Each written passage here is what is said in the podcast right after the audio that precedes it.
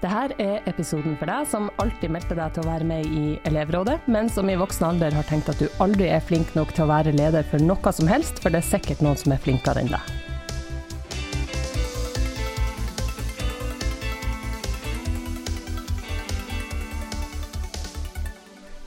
Min tid i skolen så meldte jeg meg bestandig når vi skulle velge noen til elevrådet, eller hvis noen skulle gå og hente melk, eller hvis noen trengte noen til OD-dagen. Stort og smått som innebar å har litt ansvar, så tok jeg det ansvaret. Men i voksen alder så har jeg kjent at en jobb som leder eller som sjef, det har ikke frista. Kanskje for at jeg også har sett at noen gjør den jobben mye, mye bedre enn meg. Og kanskje er det litt typisk for mange av oss, at vi tenker at det er alltid noen som kan gjøre det bedre, det er alltid noen som kan mer enn det jeg kan, og da er det unødvendig å melde seg. Hvordan skal man egentlig finne frem til lederen i seg? Det er tema for Men du i dag. Jeg heter Sigrid Agnete Hansen, og med meg så har jeg Ingrid Brun. Og i dag, Ingrid, så har vi en slags spesialepisode. Ja, det er en spesialepisode. Det skal ikke bare handle om økonomi, men det skal handle om kvinner og ledelse. Ja, eh, fordi vi har rett og slett invitert vår nye sjef. Eh, kanskje ikke for å smiske og for å vise oss frem, eller er det det vi har gjort? Det kan jo håpe. Nei, liksom, hvorfor skal vi sitte her og intervjue sjefen vår sånn egentlig? Hun har, hun har ikke tvunget oss, bare så det er sagt. Er du sikker? Uh, ja, ja, offisiell versjon, ja. Nei, men vi syns jo det er litt spennende at i en av uh, Nord-Norges største organisasjoner, så er det en kvinnelig sjef som har gitt nøkkelen til sjefskontoret videre til ei anna dame. Og det er ikke hvilken som helst organisasjon, det er et stort finanskonsern. Og det her er jo ikke hverdagskost at skjer. Nei, det er det ikke. Likestillingsindikatoren som Finans-Norge har, den viste at i 2022 så var hver fjerde administrerende direktør i finansnæringa ei dame. Og heldigvis for likestillinga sin del så er dette tallet på vei oppover, og da er det jo litt interessant å høre fra vår gjest om hva hun tror som kan være årsaken til det. Ja, for kanskje hun syns at dette er girl power i praksis, eller kanskje hun tenker at sånn skal det egentlig bare være. Mm. Vi sier uansett velkommen til deg, Hanne Karoline Kremer. Du er altså ny konsernsjef i Sparebanken Nord-Norge. Takk skal du ha. Er det her girl power? Girl power, det vil jeg egentlig ikke si at det er girl power, for det, det handler vel kanskje om Eh, det handler om lederskap, og det handler om på en måte de interessene du har, engasjementet du har. Og om vi er dame eller mann, så tror jeg det, det er liksom eh, interessen som du har for mennesker, for å utvikle eh, noe og bidra til noe som er det store. Men jeg tenker det er jo absolutt et pluss at det er, er mer fokus på kvinner og ledelse, og at vi har eh, fått en kvinnelig leder til i Sparebanken Nord-Norge, og ikke bare i Sparebanken Nord-Norge, men også i flere Sparebank1-banker. Eh, Nå er det kanskje ikke alle som vet nøyaktig hvem du er, så kanskje du kan ta en liten sånn kjapp introduksjon av deg sjøl, Hanne Karoline? Ja, det kan jeg gjøre. Jeg er jo 54 år, eh, fra Lyngen. Det bruker alltid å få med. Eh, Utdanna siviløkonom fra høyskolen i, eller universitetet i Veksjø i Sverige. Eh, og starta som eh, lærer i Nordreisa på videregående skole der når jeg var nyutdanna, for da var det et vanskelig marked for siviløkonomer. Så der var jeg i to år, og så eh, dro jeg til Tromsø, for det var liksom målet mitt, å komme til Tromsø. Da spilte fotball, aktiv fotball, så der trente vi, og det var viktig for meg. Og begynte da i Innovasjon Norge. Var der i ett år, vikariat, før jeg begynte i Sparebanken Nord-Norge i 1995. Ja, så nesten 30 år nesten 30 år, kan du tenke deg det. Men jeg har hatt elleve forskjellige jobber og vært leder siden 2000, sånn at jeg har prøvd mye forskjellig. Så har vi prøvd å gå ut og fiske litt og høre med folk i banken hva de på en måte vil si at kjennetegner deg. Og de sier jo det at du er interessert i mennesker, i å på en måte ha gode relasjoner. Vi vet også at du er veldig glad i Lucia-dagen og har arrangert Lucia-tog og insistert på å gå fremst.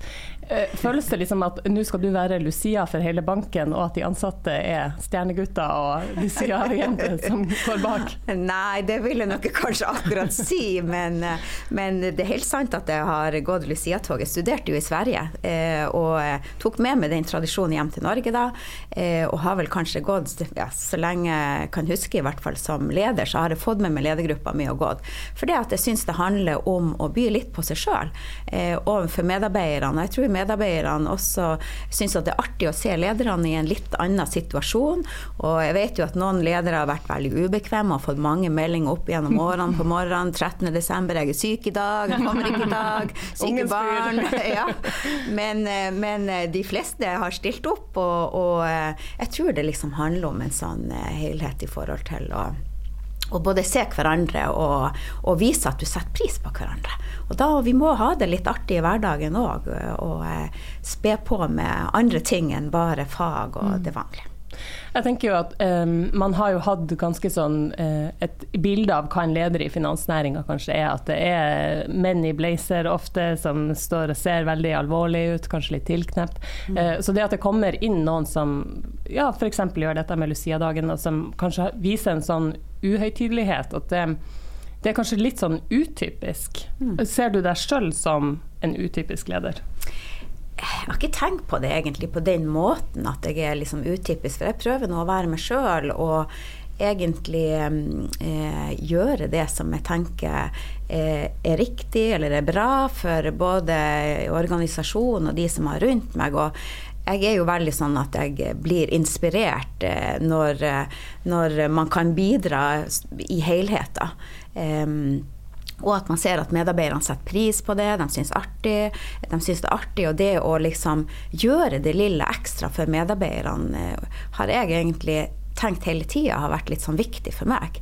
Eh, for å vise at jeg også bryr meg, og at medarbeiderne er den viktigste ressursen som en organisasjon har.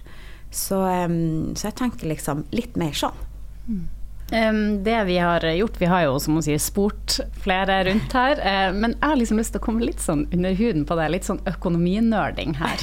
ja. um, og da lurer jeg på sånn Du har jo hatt en del lederstillinger. Um, men hjemme, mm. hvem er det liksom som eh, Hvem betaler regningen hjemme? Hvem har oversikt over budsjettet? hvem, er det liksom, hvem bestemmer over økonomien hjemme? Er det Hanne Karoline, eller er det han eh, som hun bor med? Ja, hva du tror? Nei, jeg er faktisk veldig usikker. Det er derfor jeg er så nysgjerrig og spør. Eh, når det gjelder regninger og alle de der tingene, så eh, er det nok jeg som administrerer det og alltid har gjort det. Ja. Så da får jeg bare videresendt fra han Morten som jeg bor sammen med og er gift med, at her er en ny regning som, mm. som jeg må da eh, ordne ut. Ja. Så sånn har det egentlig vært hele tida. At det er jeg som har hatt koll på det, og kontoer og litt sånne type ting. Og så eh, har vi egentlig kanskje en litt sånn utradisjonell fordeling hjemme. For at han er veldig flink til å vaske klær og vaske hus og støvsuge. Så jeg er ganske heldig på det området at jeg får nyvaska klær eh, stort sett hele tida. Wow. Det, så det er litt sånn atypisk, kanskje. Ja, det, ja, det må jeg si. Omtaler du deg sjøl som finansministeren hjemme? Nei, sånn? Nei, det, Nei, det, gjør jeg ikke. Det gjør jeg. jeg tror Hvis du spør han, så vil han si at jeg sløser litt for mye. Oh, ja. ja. hva, hva, gjør du hvis du sløser? Nei, jeg er litt, kanskje litt for glad i, uh, i klær og litt sånn sko og litt sånne ting. Det ja. Det er en felles hobby, så det trenger ikke felles hobby i dette rommet. Her er det Nei. safe space. Ja, ikke sant. Ikke sant. Ja. Men, men uh, syns du alltid at du gjør gode økonomiske valg? Altså, nå har du vært ganske lenge i finans i Sparebanken mm. Nord-Norge. Jeg regner med at du, du, har fått med deg noen tips ja, på ting og tang? Ja. Nei, ikke alltid gjør jeg gode økonomiske valg. Det som jeg sier, at noen ganger så sløser jeg òg, eller ikke er så opptatt av hva jeg bruker penger på. Men jeg tenker det må man av og til ha lov til å gjøre. Ja. Men, eh, men stort sett så tror jeg at i hvert fall når man har begynt ung i bank, så har man fått med seg en del. Samtidig så var jeg jo Jeg er jo økonomiutdanna, siviløkonom, så jeg har jo hele tida vært opptatt av det der med økonomi. Jobba i butikk, likte det, spart. Når jeg gikk på studiet, så hadde jeg studielån, men det brukte jeg ikke, så lånte jeg det videre til venninner som trengte mm. eh, Så jeg var liksom litt sånn business allerede da. eh, men, eh, men, i dag så er det nok mer sånn at eh, jeg tenker, tenker, liksom sparing, bufferkonto har man jo alltid. Mm. Eh, vi gjorde et valg tidlig der vi begynte å spare i aksjefond til ungene våre fra de var født. Eh, og det nyter de jo godt av i dag, mm. når eier inn på boligmarkedet og noen skal inn. Eh, sånn at eh, prøvde å liksom ta med meg råd og tips som man har eh, lært opp gjennom årene i et eh, langt liv i, i banken. Da. Mm. Ja. Er det sånn at du også blir spurt av venninner hvis de lurer på ting som har med økonomi å gjøre? Eller er det liksom, ja. har, har, de andre de kan spørre? Nei, de, det blir en, spurt en del av lån og, og, litt sånne type ting. Hva gjør vi? Eh, egenkapital, mm. renter, investeringer, aksjefond. Mm. Så jeg tror, og håper jeg har påvirka noen opp gjennom tida. Mm. Er det sånn at de ringer deg hvis de ser at sånn Nei, nå begynner den boliglånsrenten den begynner å gå litt for kraftig opp her. Nei, nei, det skjønner de at det nytter ikke å ringe, men, men, jeg, men, jeg, har fått noen klager. Liksom, hva gjør vi nå? Jeg har ikke fått lån nå, hva gjør vi? Ja. Og da svarer du? Nei, da må jeg prøve nå å liksom sette meg litt inn i deres situasjon. Kanskje gi noen gode råd i forhold til hva kan man gjøre. Um, egenkapital, det kan være andre ting som man kan se på. Trenger du, er det eh, en billigere bolig du kan se på, osv. Du, hvis du ser for deg at lytterne er dine gode venner, mm. eh, har du noen liksom gode økonomiske tips du kunne gitt dem? Eh, det er jo kanskje noen som ikke har kommet i gang med sparing, mm. det er noen som mm. har barn de kanskje ikke sparer til, mm. altså, noen er inne på boligmarkedet. Har du noen sånne eh? Nei, altså det, det, som jeg i hvert fall jeg tenker det beste rådet som man vil starte med, det er jo liksom sparing det å ha litt sånn ekstra på kontoen hvis noe uforutsett skulle skje, og, og, at du har liksom frihet til det, det, det, det tror jeg er. Og så tror jeg at eh, jeg ville ha begynt å spare i aksjefond tidlig. Mm. For det at eh, aksjemarkedet er volatilt, det går opp og ned, men på lang sikt så viser det at det er en god investering. Så det tenker jeg bare bitte litt. Mm. Litt i måneden, uansett om man er kjempeung og kanskje har, har, masse andre ting man tenker at man vil bruke penger på, så vil jeg ha tenkt det. Og det kan jo også være en sånn eh, tanke i forhold til en pensjonssparing. Hvis mm.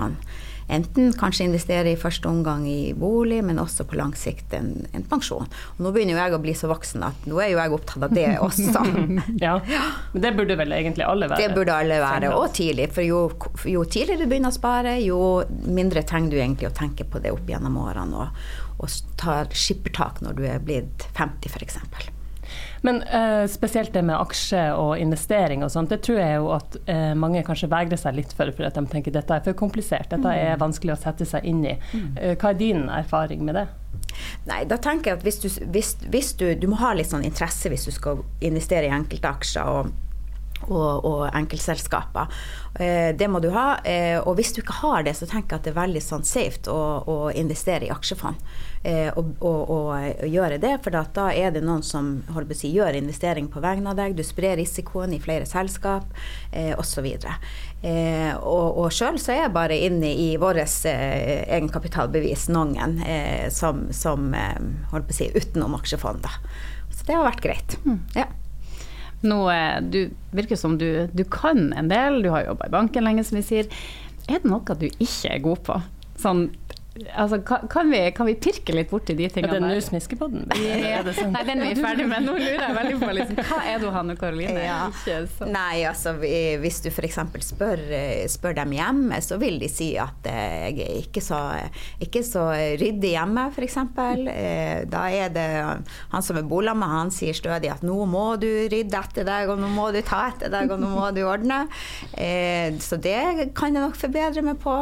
Og så tenker jeg jo at skulle gjerne hatt enda mer tid, eller prioritert trening enda mer. Det, mm. Så der er det nok også et forbedringspotensial. Eh, og er jeg veldig utålmodig.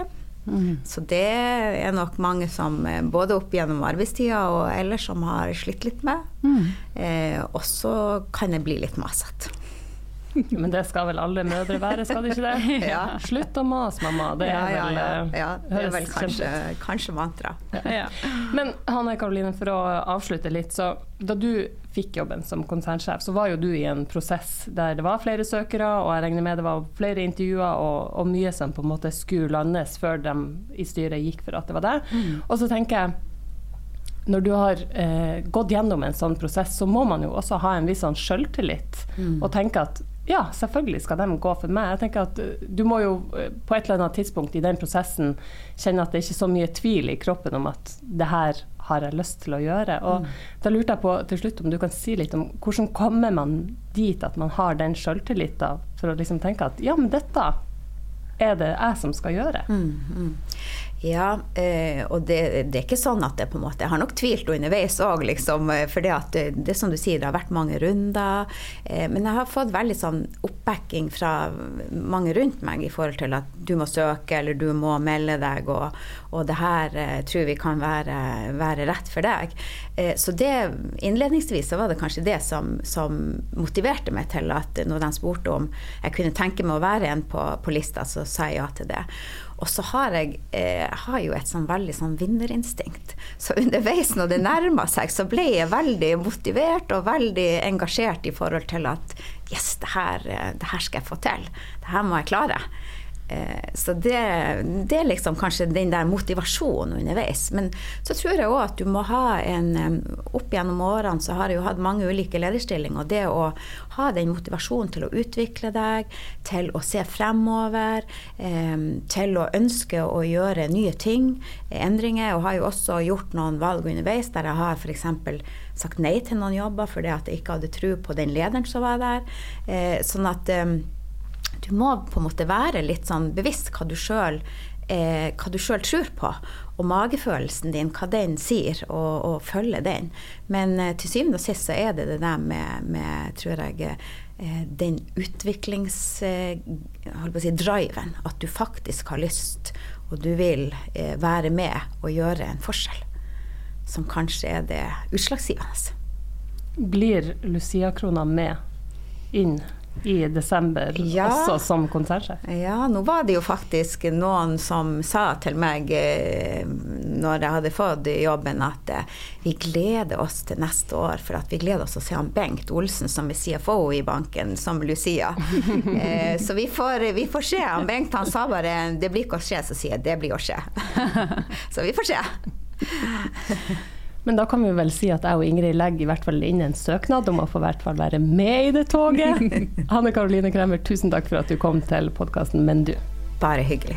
Takk skal dere ha.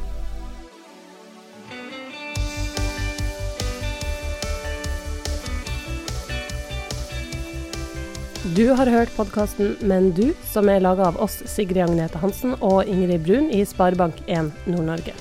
Produsent er Jørn Restvold, og musikken er laga av Terje Nord. Du kan besøke oss på snn.no, men du.